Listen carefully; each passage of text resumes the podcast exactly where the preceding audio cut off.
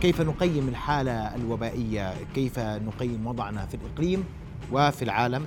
لماذا هذا الارتفاع في عدد الوفيات؟ كيف نقيم إجراءاتنا لمتابعة الوباء والحالة الوبائية في الأردن؟ الحديث أكثر. أرحب بضيفي يا دكتور سعد الخرابشي وزير الصحة السابق. مساء الخير. معليك أهلا بك في نبض البلد. رؤيا بودكاست. مساء النور. أهلين أخ محمد. دكتور اسمح لي أن أبدأ اليوم وما بدي أبدأ بالحالة الدائمة اللي بنقول فيها كيف وضعنا وضعنا وبائي وكيف وضعنا اليوم والأرقام والإصابات. خليني أقارن حالنا اليوم في الأردن بالإقليم. كيف نقيم وضعنا بالنسبة للإقليم وبائيا؟ سيد العزيز آه، يعني لا يخفى على أحد أن الوضع الوبائي في الأردن اعتبارا من 30 عشرة وحتى الآن آه، آه، بدأنا ندخل الموج الثالث للوباء لسوء الحظ. آه، نحن الآن في منتصف الأسبوع السادس من هذه الموجة. وكل المؤشرات بتقول إنه الموجة تسير بتصاعد تدريجي. بدأنا بدأنا بنسبة إيجابية بالأسبوع الأول من الموجة بخمس ونص بالمية والآن وصلنا رقم قريب من عشرة أو حتى يعني الأسبوع السادس اللي نحن فيه الآن آه، وصلت نسبة الإيجابية حوالي عشرة وثلاثة بالعشرة بالمية. لو قارنا نفسنا مع الإقليم حسب حسب آخر تقرير لمنظمة الصحة العالمية لشرق المتوسط الأردن الأردن تحتل المرتبة الأولى من حيث معدل الوفيات لكل مئة ألف من السكان ومن حيث معدل الإصابات أيضا لكل مئة ألف من السكان. فمقارنة مع 22 دولة في إقليم شرق البحر المتوسط نحن بنحتل آه، للأسف آه، الدرجة أو الترتيب الأول في هذه المؤشرات. لو اطلعنا على نسبة التطعيم حسب مركز إحصائي عالمي اللي هو اسمه Our World in Data هذا بيطلع بيطلع يعني إحصاءات عن عن مرض الكوفيد 19 ف آه، يعني حسب نسبة التغطية عندنا للتطعيم بجرعتين 36% واعتبر ترتيبنا الترتيب الثامن من حي من من من بين 16 دولة في الإقليم. يعني إحنا جايين بالنص من حيث التغطية بالتطعيم.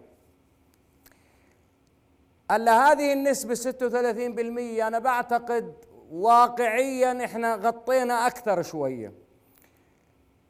لأنه بيعتمد من هي الفئة المستهدفة اللي اللي اللي حسبوا عليها آه، آه، نسبة التغطية كمقام. الآن إذا اعتبرنا إذا اعتبرنا أن الفئة المستهدفة بالأردن هم الناس اللي فوق 12 سنة من العمر واللي هم بشكلوا حوالي 75% من السكان. فيعني بحسبة بسيطة حسب أرقام وزارة الصحة آه، التغطية بجرعتين بتطلع حوالي 46% نعم. تمام؟ اذا اذا هذا الوضع الوبائي مختصر وين إحنا؟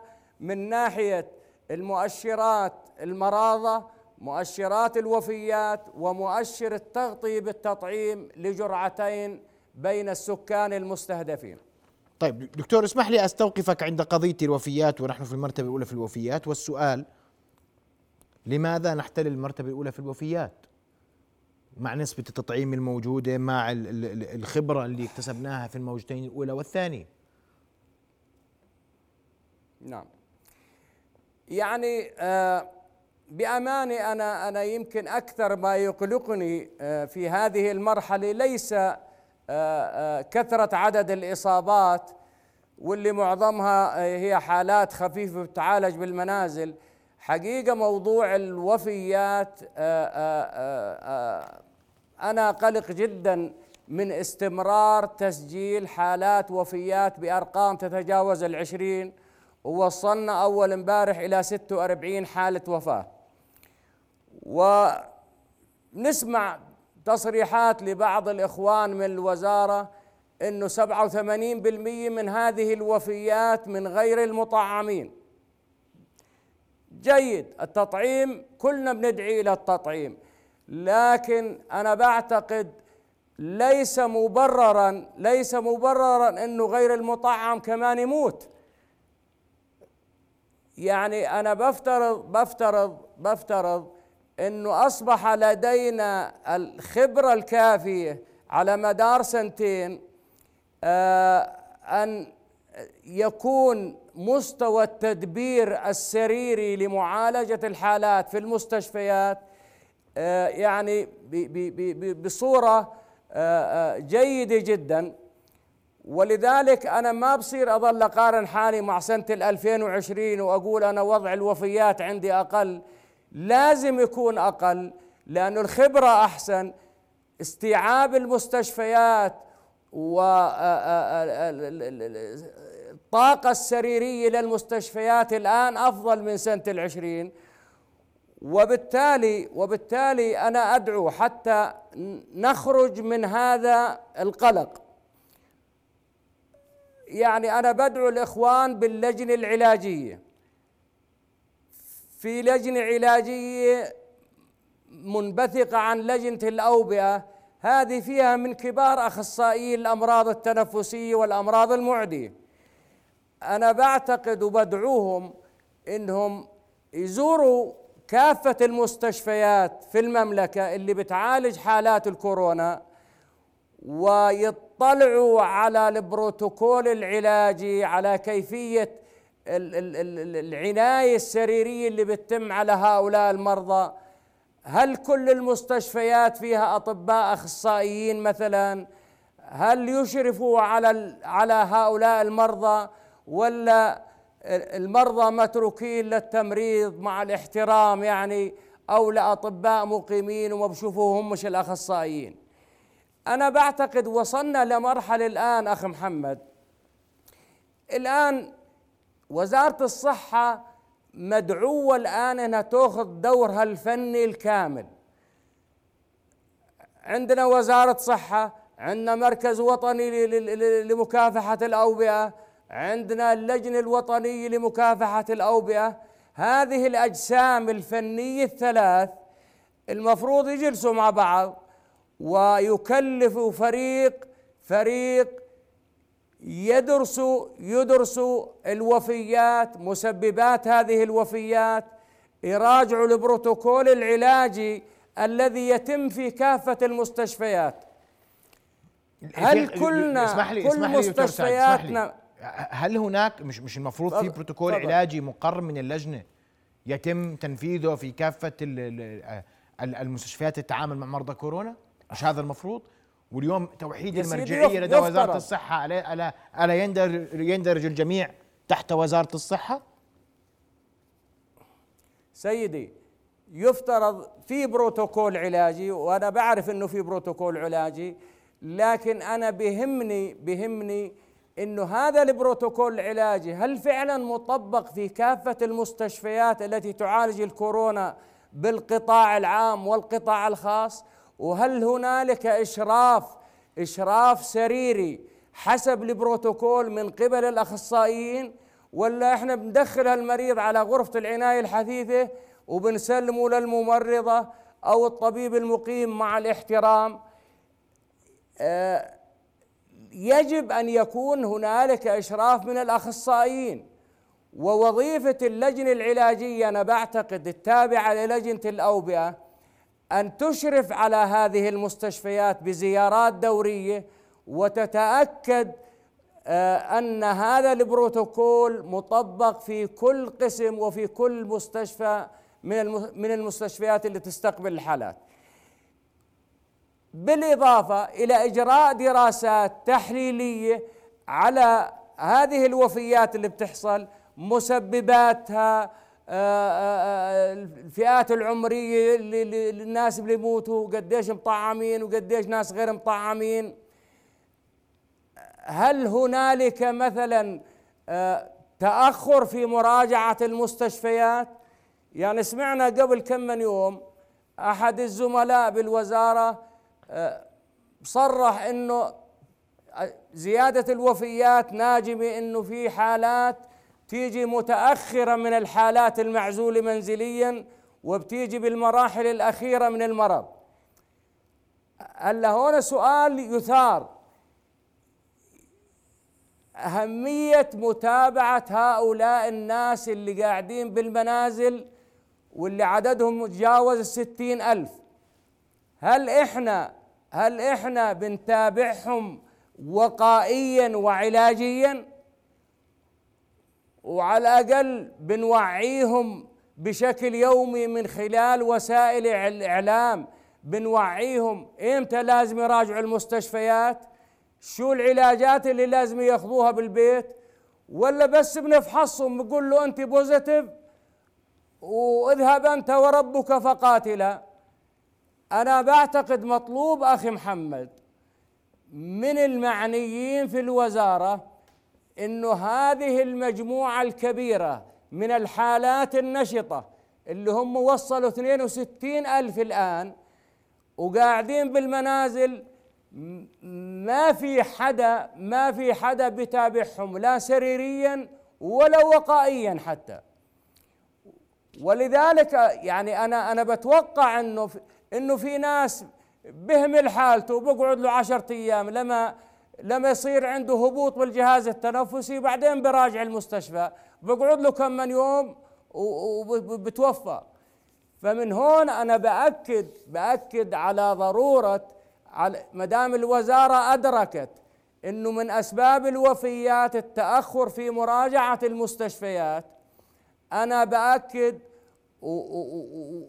وبطلب من الإخوان بالوزارة إنه هذول اللي قاعدين بالبيوت لا بواكي لهم ولا ناس داري عنهم شو بسووا. من الناحية الوقائية هل هم فعلا عازلين حالهم عن الناس ولا مش عازلين؟ من الناحية السريرية كيف تطور حالتهم المرضية؟ أيضا ما حدا عارف. هم اجتهاد الأهل. إذا الأهل اجتهدوا إنه هذا حالته أصبحت خطيرة وبدنا نوديه على المستشفى بودوه وإذا اجتهدوا عكس ذلك يمكن يظل حتى المراحل الأخيرة ويصل المستشفى في حالة سيئة جدا. ولذلك هون دورنا بيجي أنا بعتقد دور يعني أنا بنبسط جدا لما يطلع طبيب أخصائي أمراض صدرية أو أخصائي أمراض معدية طبيب سريري يطلع على التلفزيون ويوجه رسائل لهذول الناس للمريض اللي قاعد بالبيت. شو شو العلاجات اللي يأخذها؟ شو أساليب؟ إمتى يراجع المستشفيات؟ شو العلامات السريرية اللي عندها؟ لازم هذا حالة تصبح خطرة لازم يراجع المستشفى. كيف يقيس الأكسجين؟ آه، لما يصير عنده ضيق تنفس مثلا شو يسوي؟ يعني للأسف ما عمالنا بنشوف توعية للمرضى من النواحي السريرية آه، آه، اللي قاعدين بالبيوت وهم الغالبية العظمى وهم اللي بيسووا عبء على المستشفيات وعبء على الوفيات. نعم. طيب دكتور بس انت ذكرت ذكرت في حديثك وراح أسألك عن حالات يعني الحالات النشطة بحاجة إلى مراقبة ومتابعة صحية ومتابعه عزل أنفسهم ومتابعة إنهم ملتزمين بالشروط للتعامل مع هذا الفيروس وهذا أمر يتفق الجميع عليه. ولكن ماذا نفعل به؟ لا أعلم. هذا يحتاج إلى إجابة من وزارة الصحة. السؤال لما ذكرت أن هناك ثلاث مرجعيات لهذا الملف ملف كورونا. هل الدعوة اليوم إلى توحيد المرجعيات نعم. وتوحيد آلية التعامل مع هذا الوباء؟ سيدي المرجعيات عديدة مش بس ثلاث أكثر من ثلاث. بس أنا بحكي عن مرجعيات فنية من النواحي الفنية. وزارة الصحة زائد لجنة مكافحة الأوبئة زائد المركز الوطني للأوبئة والأمراض الساري اللي الآن المفروض أنه شغال. هذه الجهات الفنية الثلاثة بأذرعها بأذرعها المختلفة الفنية اللي موجودة فيها وهي غنية. وفي خبراء بالأوبئة باللجنة الوطنية في خبراء بالمعالجة والطب العلاجي في خبراء بالمختبرات وعلم الفيروسات. هذه الفئات الثلاثة تقعد مع بعضها ويعملوا لنا دراسات. يعني ما نضلش نحكي ونفتي فتاوى هيك نقرأ شوية على الإنترنت ونطلع نفتي على التلفزيون. خلي يصير عندنا دراسات محلية. يحطوا الداتا البيانات البيانات يعملوا يخلوا الناس يطلعوا على البيانات. ويقعدوا الباحثين يدرسوا بياناتنا. كيف وضعنا؟ شو ليش الناس بيموتوا عنا ما هي المسببات؟ الآن أنا بهمني لما يطلع واحد على التلفزيون مش أطلع أنا أفتي بالفيروسات وبالتحورات. في لجنة مختبرات وفيها علماء بالفيروسات بوزارة الصحة بلجنة الأوبئة. هذا اللي يطلع يحكي عن المتحورات. اللي بده يطلع يحكي عن الأعراض ويوزع نصائح للمرضى اللي قاعدين بالبيوت يطلع أخصائي أمراض تنفسية أو أخصائي أمراض معدي معالج ويطلع يوجه رسائل للمرضى ولأهالي المرضى كيف يتعاملوا مع المريض داخل البيت وإمتى؟ بأي لحظة لازم يحملوه ياخذوه على المستشفى. يطلع اختصاصي وبائيات يحكي عن الوقاية ويحكي عن المؤشرات الوبائية. أما اللي صاير للأسف للأسف مع احترامي لكل اللي بيطلعوا. الأمر مش بس أقرأ لي شوية على الإنترنت وأطلع آه، أصرح بيهن. بدنا هذول الناس المعنيين المقنعين. يعني أنا لما بطلع ما بقدر أحكي بالعلاج أنا مش أخصائي طب سريري. بس لما بيطلع واحد أخصائي أمراض صدرية أو أخصائي أمراض معدي بيعالج المرضى يطلع على التلفزيون هذا أقدر مني يوجه رسائل توعي لأهل المريض اللي قاعد بالبيت كيف يتعاملوا معه شو العلاجات اللي يعطوه إياها؟ إمتى لازم يراجع المستشفى؟ شو العلامات الخطورة آه، اللي بتظهر عليه واللي اللي لازم يراجع من خلالها أقرب مستشفى؟ وهكذا.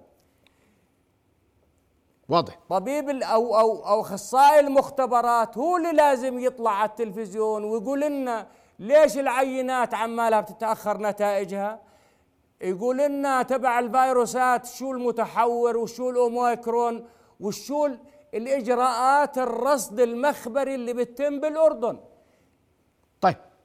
هل هل كم عينة صرنا عاملين تسلسل جيني؟ وهل فعلا إحنا متأكدين الأوميكرون ما دخلش عندنا لحد هسه ولا لا؟ هذا الحكي مش أنا اللي بجاوب عليه هذا الحكي المفروض يجاوبوا عليه خبير المختبرات اللي بلجنة الأوبئة أو بوزارة الصحة يطلع يقول للناس كيف بنعمل رصد مخبري للاحتراز وحتى نعرف إنه هذا المتحور دخل ولا ما دخلش. وهكذا. منع دخول الأردن دخول الأردن وذكرت مسألة الفحوصات. واليوم إحنا بنزيد عدد الفحوصات بشكل كبير دكتور يعني إحنا اليوم وصل عدد الفحوصات لرقم يعني آه، قد يكون الأكبر منذ بدء الجائحة. فما الاجراء فيما يخص المتحور الجديد لا زالت المعلومات شحيحة جدا عنه. وكل العالم خاصة العالم اللي آه، مثل حالاتنا كلنا قاعدين من بننتظر شو راح يرشح من مراكز الأبحاث العالمية ومن ال WHO منظمه الصحة العالمية عن تطورات التطورات للخصائص الوبائية لهذا الفيروس. المعلومات المتيسرة حتى الآن إنه هذا الفيروس أكثر أو أسرع انتشارا من من المتحورات اللي قبله. ويكاد يمكن يكون أسرع من متحور دلتا بثلاث مرات. باقي الأمور من ناحية شدة الأعراض من ناحية قدرته على الوفيات من ناحية كل هذه الأمور لا زالت آه، غير واضحة وبانتظار مزيد من الدراسات ومزيد من الرقابة على المرضى حتى يعرفوا. وبنتامل إنه بأقرب فرصة ممكن إن شاء الله يعني آه، آه، تجاب هذه الأسئلة. لكن الإشي المتاح حاليا إنه ما في ما في رأي قاطع يقول أن هذا الفيروس يسبب أعراض أشد من من من النسخ السابقة ولا إنه بيسبب وفيات أكثر مما قبله.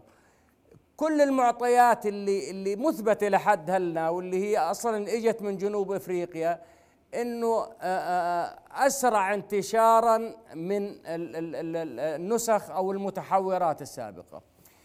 الآن ما يهمنا إحنا كبلد يعني أنا بعتقد بهمني كثير أنا كمراقب إنه يطلع مختص من مختبرات وزارة الصحة أو من لجنة المختبرات التابعة لجنة الأوبئة ويحكي لنا على التلفزيون أو بمؤتمر صحفي يقول شو الرصد المخبري اللي بيتم آه، حتى نعرف حالنا إنه هذا الفيروس داخل عندنا ولا لسه ما دخلش عندنا.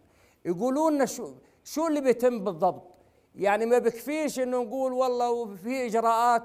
يعني خلينا خلينا نفهم إحنا كناس معنيين ومختصين أيضا. نعرف إنه هل فعلا نعمل تسلسل جيني لهذا المتحور الجديد وإذا إذا بنعمل قديش صرنا عاملين وعدد العينات اللي فحصت وهكذا. أنا بعتقد أخي الكريم يعني ما أطالب به ليس بالمستحيل. في عندنا لجنة مختبرات في عندنا لجنة تقييم وبائي إذا بعدهن قائمات ولا التغن ما بدري. وفي لجنة علاجية هذول ثلاث لجان منبثقة عن المنبثقات عن اللجنة الوطنية لمكافحة الأوبئة. هذه اللجان إذا أعطيت صلاحية كويسة واعطوهم الداتا اطلعوهم على البيانات وزارة الصحة تحط البيانات بين أدين هذول الناس هذول قادرين يعملون تحليل عن الوفيات تحليل عن الفيروسات وشو المتحورات الموجودة. تحليل عن المؤشرات الوبائية وبآخر كل أسبوع بآخر كل أسبوع يطلعوا ثلاث أشخاص بيمثلوا هاي اللجان يعملوا مؤتمر صحفي أو يصدروا نشرة صحفية press release ويحكوا لنا تفاصيل. مش بس يقول لي والله 30% من إصابات المدارس من الإصابات اليوم بين طلاب المدارس. هذه المعلومة بالنسبة لي أنا كفني ما بتعني لي أي شيء طيب أنا بهمني إنه إصابات المدارس تتحلل وبائيا بدراسة تحليلية مضبوطة ويتاخذ فترة أربعة خمس أسابيع قديش عدد العينات اللي انجمعت وقديش عدد الإصابات اللي طلعت من بيناتهم. بناء على ذلك أقدر أنا أتهم المدارس وأقول هي السبب ولا مش السبب؟ أسكر المدارس ولا ما أسكرش المدارس؟ يعني للأسف قاعدين بنطلع باجتهادات كل واحد بيحكي شكل. اللي بيطلع يقول لي إنه اليوم عندي 2000 حالة مثلا من من بين طلاب المدارس. ونقطة. طب يا أخي قل لي ال 2000 حالة هذولا من كم عينة طلعوا؟ اعطيني معلومة أقول لي أنه عدد العينات من أصل ستين ألف عينة مثلا كان أربعين ألف من بين طلبة المدارس. ساعدتها أنا بفهم بدل ما تخوفني وترعبني أنا بقول مدام أنت ثلثين العينات من طلبة المدارس فتحصيل حاصل لازم معظم الإصابات تطلع من بينهم. والعكس صحيح إذا بتقول لي عشرة آلاف عينة طلع منها ألفين ساعدت بخاف بقول فعلا في خطورة بين طلاب المدارس. ولذلك ولذلك بنقول يا إخوان يا إخوان الناس الفنيين اللي بالوزارة واللي بلجنة الأوبئة والإخوان اللي بمركز الأوبئة يقعدوا مع بعضهم ويعملوا لنا دراسات على الواقع المحلي. مش نضل ندور على دراسات بالإنترنت ونقول ونقول بسنغافورة هيك ولا بجنوب أفريقيا. ما هي البيانات عندنا؟ بس تشتغلوها؟ اعطوها للناس حطوها اعطونا اكسس اعطوا اكسس للناس في خبراء بالصحة العامة أطباء مليان البلد. اعطوهم خليهم يحللوا لكم هاي البيانات. طيب دكتور يعني تحليل بيانات آه. محلي بأرقام محلية للوقوف على الواقع المحلي. بالضبط يقول للمدارس أخي محمد إحنا بديش أعمل دعاية لنفسي أو للجنه اللي كنت فيها. إحنا لما كنا بلجنة التقييم الوبائي أيام ما كنا باللجنة الوطنية للأوبئة كنا نصدر نشرة شهرية وبديناها بأسبوعية نشرة فيها 30 صفحة. نشرة نحط كل المؤشرات الوبائية آه، الخاصة بالمرض. وكنا نوزعها ونحطها على الفيسبوك ونطبع نسخ ورقية ونوزعها على كل المهتمين. يعني ليش توقفت هذه مثلا النشرة؟ ما تطلع نشرة وبائيه وتطلع نشرة علاجية وتطلع نشرة عن المختبرات أو نشرة موحدة. ويحطوها بين أيدين الناس خلها تقرأ مضبوط. مش بس الكلمتين اللي بيطلعن كل يوم بالتقرير الصحفي عدد الحالات وعدد الوفيات وقديش طعمنا. يعني هاي الأرقام هذه لا تساعد المهتمين إنهم يساعدوا الوزارة بالتحليل. وكل ما كانوا الناس المختصين اللي برا الوزارة على دراية وعلى آه، سهولة وصول للبيانات لما بيطلعوا على التلفزيون بيحكوا وبساعدوا الوزارة وبيحكوا بنفس الخط. أما أنا لما أكون مغيب عن البيانات وغيري مغيب وبيطلع كل واحد وبيجتهد حسب ما بدوره براسه. طيب ولذلك ولذلك يعني خلاصة الأمر أنا بدعو إنه اللجان الفنيه والأجسام الفنيه بالوزارة ومركز الأوبئة ولجنة الأوبئة تأخذ دورها دورها الفني الحقيقي. نقطة ثانية اللي اللجنة العلاجية يطلعوا يطلعوا باستمرار على التلفزيون يشرحوا للحالات النشطة الموجودة بالمنازل كيف العناية بالمرضى إمتى لازم يراجع المستشفى لما تتطور حالته شو الأعراض اللي اللي اللي اللي عندها بتتطور حالة المريض أو الأعراض اللي ما اللي بكون حالة المريض خفيفة وما فيش داعي يراجع المستشفى؟ آه ال ال ال القضية الأخرى أيضا قضية تطعيم طلاب المدارس. يعني كل العالم اليوم أو معظم دول العالم بلشت تطعم اللي فوق الخمس سنين يا إخوان. إحنا ليش مترددين بعدنا خايفين من تطعيم طلاب المدارس اللي فوق 12 سنة؟ دول عديدة بدأت تطعم بأعداد كبيرة جدا. أنا من الناس اللي بدعو أن يكون تطعيم طلاب المدارس فوق 12 سنة حقيقة تطعيم إلزامي لأنه ما في خطورة. إذا في خطورة على على الطفل اللي عمره 12 و15 سنة معناته في خطورة على اللي عمره 30 واللي عمره 20 و19 بالجامعة. فليش طلاب الجامعة اللي فوق ال 18 يعني إجباري وهون مش إجباري؟ هذا هذا الأمر إذا ظلينا مترددين فيه و ما إحنا ما هو التطعيم أصبح إجباري بالأردن يعني شئنا أم أبينا. لما بنقول بواحد واحد بواحد واحد كل واحد مش مطعم ممنوع يدخل دائرة حكومية وممنوع يدخل مول. بمعنى آخر يعني التطعيم إجباري. وأنا من وجهة نظري يجب أن يكون إجباري ما دام أنا بدي أحافظ على الصحة العامة للمواطنين. أنت بدكيش تطعم أنت حر ما نعم. تطعمش بس مش حر إنك مش حر إنك تمرض وتروح تعدي غيرك. لما بحكي عن صحة عامة صحة عامة وحماية الصحة العامة المفروض إنه التطعيم يكون إلزامي للجميع ومن 12 سنة فما فوق. أنا قاعد أنا قاعد بطعم حوالي 15 مطعوم للأطفال. ليش مطاعيم الأطفال كلها إلزامية؟ ولما باجي على مطعوم الكورونا بقول لا بدي أستأذن الأب أو أستأذن ولي الأمر. إذا في خطورة من المطاعيم من باب أولى لعاد مطاعيم الأطفال نخليها تحت رغبة المواطن واللي ما بدهوش بلاش. ف واضح هذه دكتور. النقطة الثانية اللي بأكد عليها. واضح دكتور. إذا التجمعات البشرية هاي نقطة أخيرة. تفضل. التجمعات البشرية غير الضرورية. التجمعات البشرية غير الضرورية يجب وقفها والحد منها. أي تجمع بشري غير ضروري سوى مهرجانات غنائية أعراس آه مآتم آه أي تجمع غير ضروري يجب وقفه والحد منه.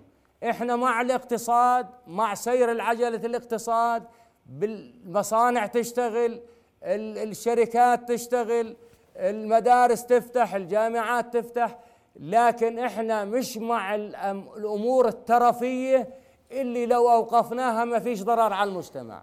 نعم. بدي أشكرك. لحيتك.